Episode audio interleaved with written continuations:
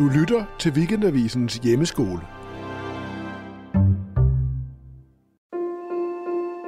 Du lytter til mig, Frederik Silius, tale om russisk musik. Så nu kommer jeg til at sige du, men jeg mente så naturligvis de. Nu skal de høre om Sergej Prokofiev.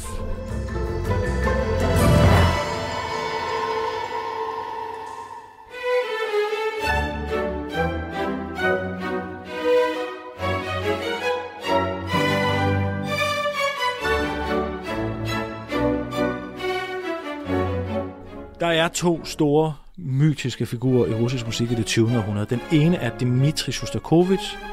Det er et andet program, og det er lavet.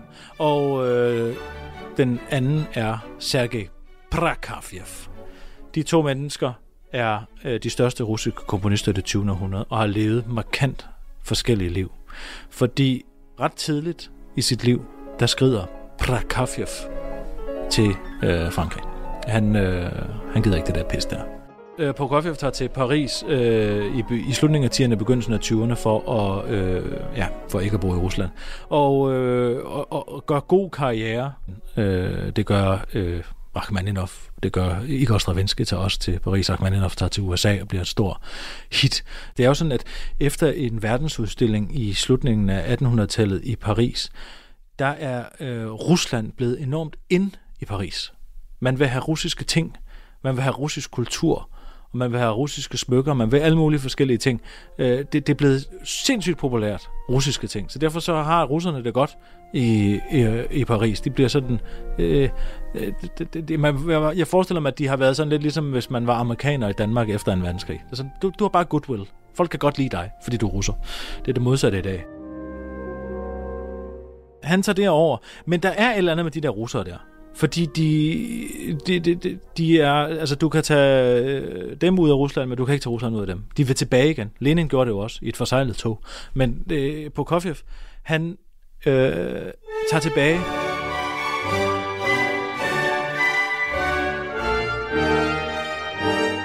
Øh, og det gør han øh, i begyndelsen af 30'erne. Og det skulle han aldrig have gjort. det er noget rigtig dumt noget. Han har været alle mulige steder. Øh, også i USA og sådan noget. og Det er led i den frie verden, men han, der er noget ved Rusland, der det trækker simpelthen. Han vil til bags igen. Og, øh, og, og det kommer han så.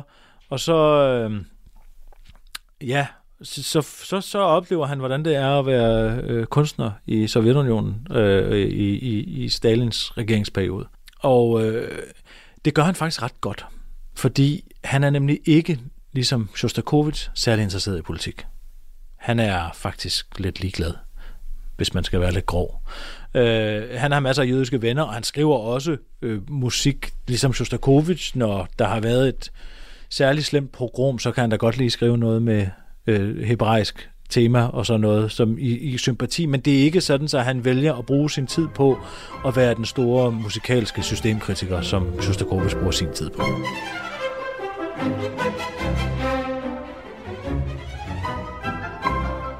Han skriver til gengæld på en meget særlig måde. Man kan altid høre, når Prokofiev, når det, når det er Prokofiev. Han skriver en hel masse filmmusik, han skriver en øh, hel masse balletmusik, han skriver musik til, øh, hvad det hedder, øh, mest kendt måske musik til Romeo og Julie, balletten Romeo og Julie, som er en af de mest spillede balletter øh, fra, det, fra det 20. århundrede i verden i dag, og med Neumeyers øh, koreografi, og en meget rørende oplevelse. Den bliver opsat gang på gang på det kongelige teater, hvis man er interesseret i at se den slags. Det er noget af det mest fantastiske musik. Han er en, ligesom Nikolaj Rimsky-Korsakov, en fuldstændig fantastisk orkestrator. Han kan blive ved og ved med at skabe lyde, som er nye og interessante øh, så har man hørt et eller andet tema, som tænker, okay, nu kender vi godt det tema, men næste gang det kommer, så er det klaver og basklarinet, der spiller det sammen, og det giver en underlig overjordisk lyd, som man tænker, hvad fanden er det? Og man skal virkelig, selvom man er musiker, virkelig lytte efter og tænke, hvad er det, han har, hvordan har han skabt den der lyd?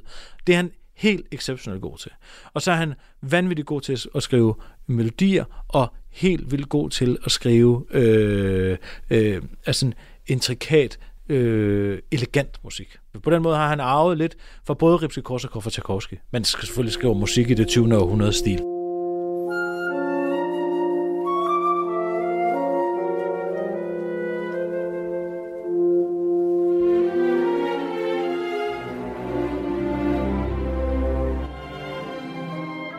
Og øh, den, øh, det værk, øh, øh, som jeg har valgt, som jeg synes, vi skal høre, er øh, øh Prokofievs 5. symfoni. Og det er måske lidt atypisk, fordi den eneste sådan kendte øh, øh, symfoni af Prokofiev er den klassiske symfoni, som er hans første symfoni, hvilket er ekstremt atypisk, at symfoni, man har spillet der bliver spillet mest i eftertiden af en symfoni, som komponist af den første symfoni. Det tror jeg aldrig er sket før. Jeg tror aldrig, det kommer til at ske igen. Det, det er meget, meget atypisk.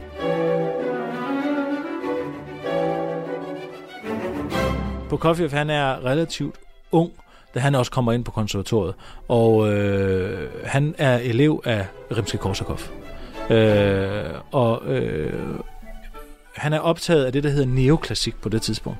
Og neoklassik er jo bare, at man øh, vælger de øh, dyder, der var i klassikken, altså i, i Mozarts tid, og så skriver man en symfoni, som er baseret på øh, mm, øh, sonateform, øh, stringente kasser og dynamikker osv. osv. Og så, og så, men så det stadig har sådan harmonierne af det 20. århundrede. Det er meget specielt. Det er den klassiske symfoni øh, på Coffee for D-dur. Det er hans første symfoni.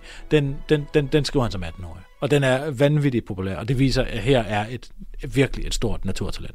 Så tager han sig ud af Rusland, som sagt, kommer tilbage igen, og så begynder han at skrive balletter.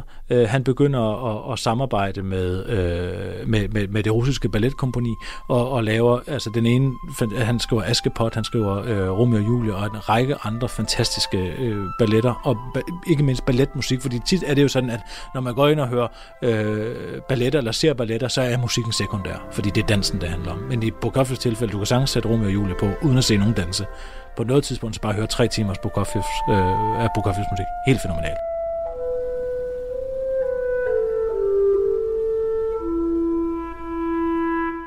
Det er fuldstændig ligesom Leningrad-symfonien af Shostakovich, en krigssymfoni. Den er skrevet i 1944, altså efter belejringen af Leningrad, men jo stadigvæk, hvor altså, der, der er død 27 millioner mennesker i Rusland, og det hele landet er fuldstændig spadret. Ikke? Der skriver han den femte symfoni, som, øh, som han kalder for en, øh, en, en, en fejring af mennesket. Altså, det, det er slet ikke... det, det handler overhovedet ikke om... Øh, det handler overhovedet ikke om en krig. Altså, det, det, det, det, det i hvert fald ikke tematisk. Altså, han er, det, det, det, er som om, han slet ikke gået op for ham, at der er en verdenskrig. Jeg, jeg kan enormt godt lide symfonien, fordi den er så idérig. Og det er det, jeg synes, der er godt ved Prokofiev. Det, han er ikke systemkritiker. Han er bare vanvittig musikalsk opfindsom. Han kan finde på øh, som, som, som musiker og som måske koncertgænger øh, i det hele taget, så synes jeg, man hører meget, og man tænker, nå, det er klassisk musik. Nå, det er også klassisk musik. Det er alt sammen klassisk musik, og det er, om det er Brahms eller Schumann, who, who knows, eller, altså, groft sagt, ikke? Men øh, øh Prokofjev kan man altid høre af Prokofjev. Det kan man, fordi at han laver de her øh, vanvittige orkestreringer, som, man, som ingen andre kunne finde på. Altså for eksempel basland eller klaver, eller øh, tuba og piccolofløjte, eller et eller andet, eller lægger øh, et dybt instrument helt op i toppen, og det høje instrument, som egentlig skulle spille højt, helt ned i bunden. Så det giver sådan en underlig klang, fordi han, han er sådan, øh, han er genial i sin bagvendthed.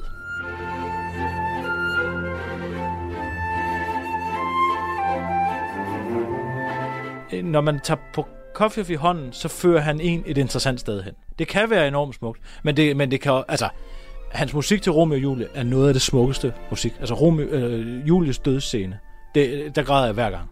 Det er så utroligt smukt.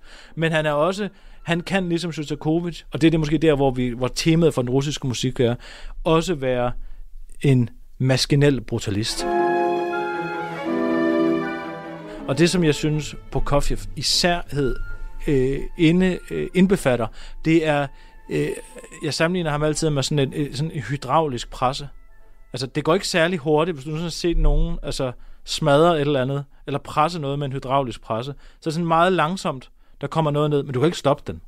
Altså, når den så møder et eller andet, så maser den det bare. I samme tempo, hele vejen igennem. Så når han sætter et eller andet i gang, hvilket han gør i sidste satsen af, af, af den sidste sats, den fjerde sats af, af den femte symfoni, så er det en ustoppelig kraft. Det er meget russisk. Det, det, det er politisk, vil jeg sige. Hvis du, hvis du slår dem i ansigtet, så rejser de sig bare op igen. Altså, de kan simpelthen overleve hvad som helst. Jeg havde givet op tusind gange, hvis jeg havde levet under stalinismen. Bare så, okay, det er fint. Jeg kan ikke mere.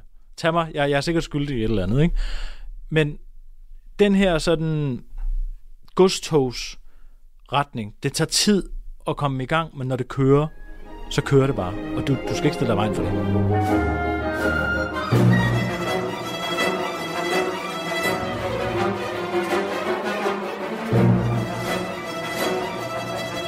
Og rent praktisk, så er det det, der sker, og det han gør, det er, at han tager alle de temaer, og, øh, som han har præsenteret igennem den her sats, og også nogle af dem fra de andre satser, og så, øh, så putter han dem ind i en feberdrøm. Altså, de, de, de popper op, ligesom når man har sådan en hyperaktiv hjerne, når man har 40 feber. Sådan er det at høre det her musik. Øh, det, det, det afbryder hinanden, det er skizofrent, psykotisk øh, samtidig, og så det, som er måske det mest Prokofjevs-agtige, udover at rytmen kører. Altså, du er i gang med noget, du kan ikke stoppe det. Du er i gang med en psykose her, ikke? Øh, det er, at hver eneste gang, at temaet så kommer igen, eller øh, øh, bliver afbrudt af en anden måde, så er det en, et nyt segment i orkestret, som spiller det. En ny kombination af de her øh, musikere. Så klangen er ny. Øh, og, så, og så afbryder han sig selv med sådan nogle bom, det kan dem, det kan dem, det kan dem, sådan, nærmest sådan et øh, øh, øh, øh 10 mongoler i et, øh, inde i slagtøjscenteret, ikke? Som, som, øh, som bare øh, går mok på noget slagtøj, og så vender det tilbage igen. Det er øh, hjerne på speed, der slutter, og så slutter det sådan underlig øh, dommedagsur, og så, og så slutter det bare færdig. og det, det er jeg har haft fornøjelsen af at spille det et par gange. Det er ekstremt sjovt at spille. Fordi det er... Man, man sidder ligesom på nåle, ikke? Alle er sådan, okay, nu skal det bare køre det her. Og det kører virkelig. Det er virkelig pissesvært. Og det er, altså, det er ekstremt vanskelig musik at spille. Det er vanskeligt at få til at stemme.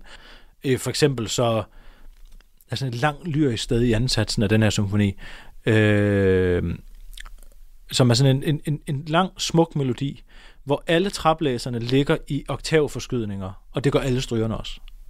Det er umuligt at få til at stemme. Og der er måske, jamen det ved jeg ikke, der er måske 10 orkestre i verden, der kan gøre det, sådan som man tænker, okay, det er sådan, det skal lyde. Det, det, det er lige præcis sådan her, det er. Men når det så sker, så tænker man, hold kæft, en klang. Altså, og den klang, den har han haft ind i hovedet, fordi jeg er sikker på, at det ikke har lyttet sådan i Rusland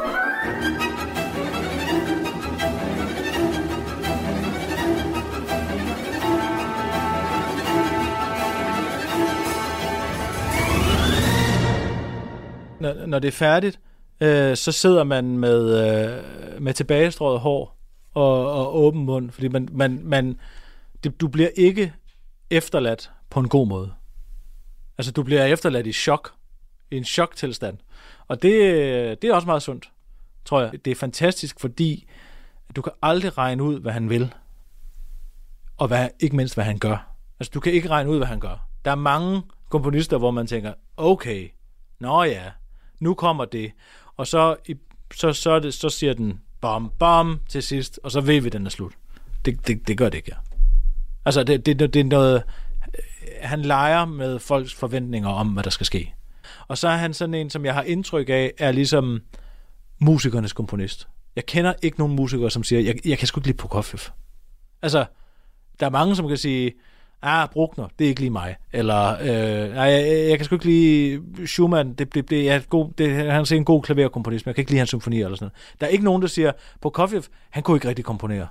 Øh, jeg sætter selv den øh, her musik på, når, øh, når, når jeg skal imponeres over... Øh, det, det, det, det, det er ligesom musikalt set at høre nogen jonglere med 12 bolde. Altså, det er den samme form, man tænker, kæft, tænk, der er nogle mennesker, der kan det. Og det, øh, og det kan Prokofjev. Og så kan man tænke, at det er det eneste, han kan. Nej, det kan også være helt ekstremt smukt. Men lige det her eksempel, det er bare, ja, det, det er nogen, der kan jonglere med 12 bolde.